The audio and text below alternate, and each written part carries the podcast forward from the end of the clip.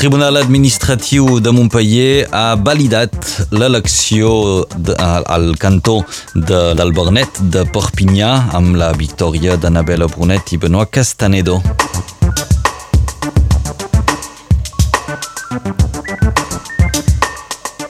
Veieu, en els darrers dies haureu vist algun incendi per les muntanyes.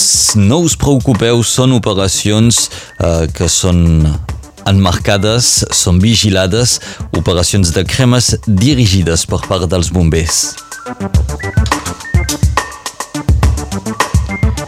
Ja coneixem els noms dels qui participaran al Festival Live au Campo a Perpinyà del 20 al 29 de juliol. Us presentem els artistes en aquest informatiu. I a la informació internacional, la situació de crisi a Ucraïna que no afluixa als Estats Units enviant tropes a l'est d'Europa.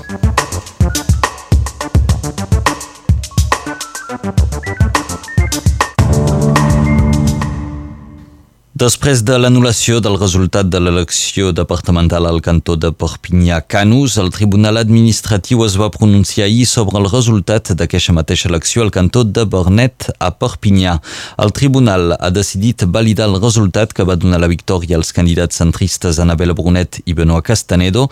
Finalment, les denúncies d'irregularitats presentades pels candidats de l'extrema dreta han estat rebutjades pel Tribunal. Des d'ahir, la majoria de restriccions contra la Covid-19 s'han deixat d'aplicar. Ja no és obligatori portar mascareta a l'exterior, tampoc no es limita més el nombre de persones als comerços, a les sales d'espectacle o encara als estadis. La fi d'aquestes restriccions es produeix en un moment en què els contagis encara són alts, amb 2.887 casos positius per 100.000 habitants. A l'hospital ahir, sis malalts van morir del coronavirus. Avui hi ha 239 pacients hospitalitzats, 24 estan al servei de reanimació i la variant Omicron és majoritària a Catalunya Nord. La Delta va desapareixent a poc a poc. 75% dels malalts hospitalitzats ho són per la variant Omicron. Un home va morir ahir per bala a la nit al barri de l'Albernet de Perpinyà. Els bombers i la policia van ser alertats poc abans de la mitjanit, però malgrat els esforços no van poder salvar la víctima. Una investigació ha estat oberta per la policia. L'edifici de les Dames de França de Perpinyà ja és propietat de la vila.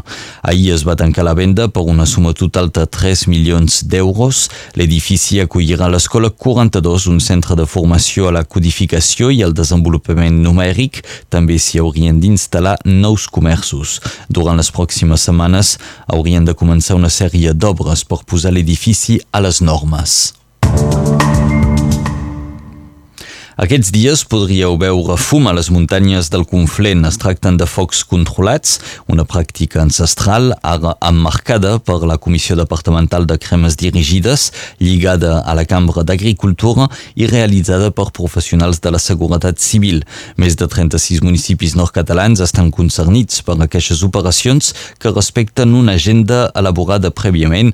David Muntanya és ramader al Conflent, ho explica l'emissió del Punt Agrícola fet un mes de gener sec, com hi ha temps que no havia fet, i anys, potser que serà un, un record també sol.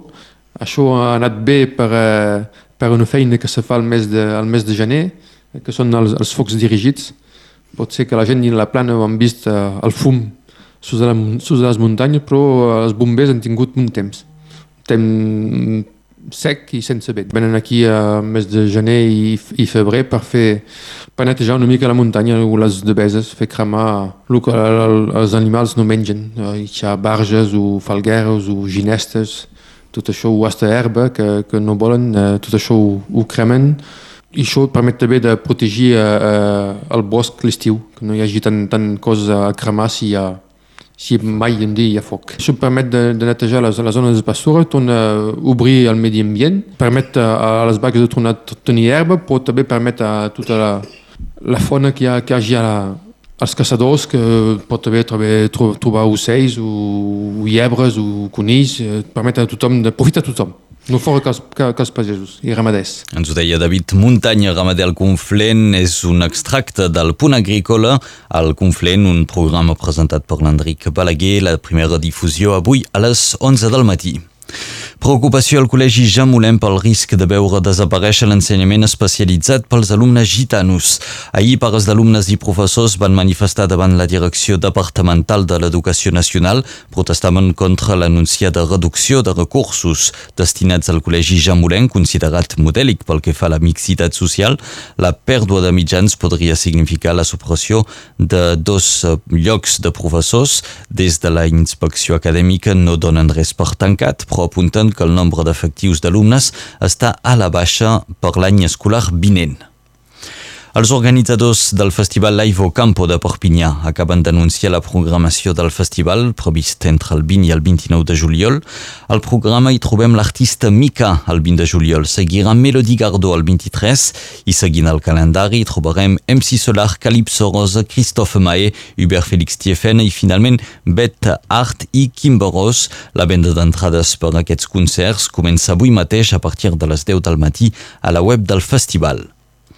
A l'Empordà s'ha detectat el virus de la grip aviària en una cigonya trobada morta als aiguamolls de l'Empordà.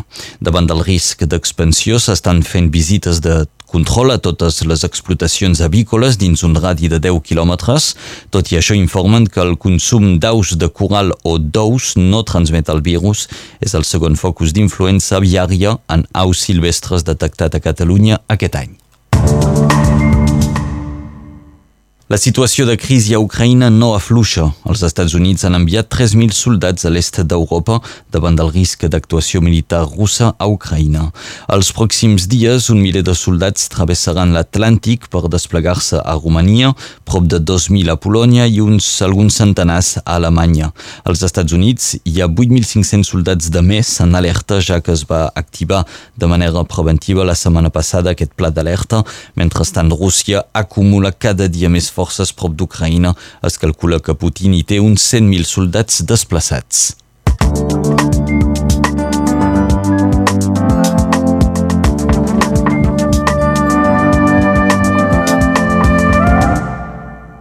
Completem aquest informatiu amb la previsió del temps.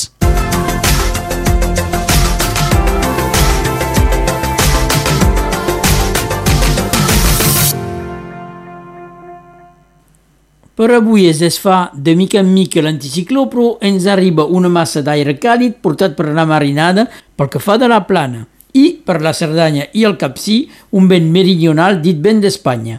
Les temperatures són suaus amb possibilitats de front nebulosos sense gaire influència.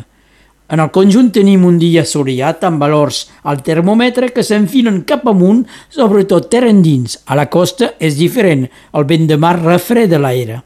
Per les màximes d'avui s'espera 17 a Coties de Fenollet, 16 a Matamara, 18 a Nauja, Orellà i Fillols, 17 a Estoé, 18 a Sant Miquel de Llotes, 16 a Espirà de la Gli, Toluges i Palau del Vidre, 17 al Pertús, 19 al Tec i 15 a Porvendres. A Fertília, al terme municipal de l'Alguer, 14 graus. Al campanar de l'església Sant Feliu i Sant Blasi, a peu de l'Albera, a la Roca, el sol hi toca fins a 6 hores i 5 minuts. El 3 de febrer de 1892 neix el qui esdevindrà el president de la Segona República Espanyola, Juan Negrín. Tal dia com avui, l'any 1919, es celebra la primera reunió de la Societat de les Nacions Ancestres de l'ONU. El 3 de febrer 1468 mor un home que va deixar una bona impressió, Johannes Gutenberg. Avui és Sant Blasi o Sant Blai. Per Sant Blai, la cigonya per l'espai, si no li veus, senyal de neus. Ja veurem.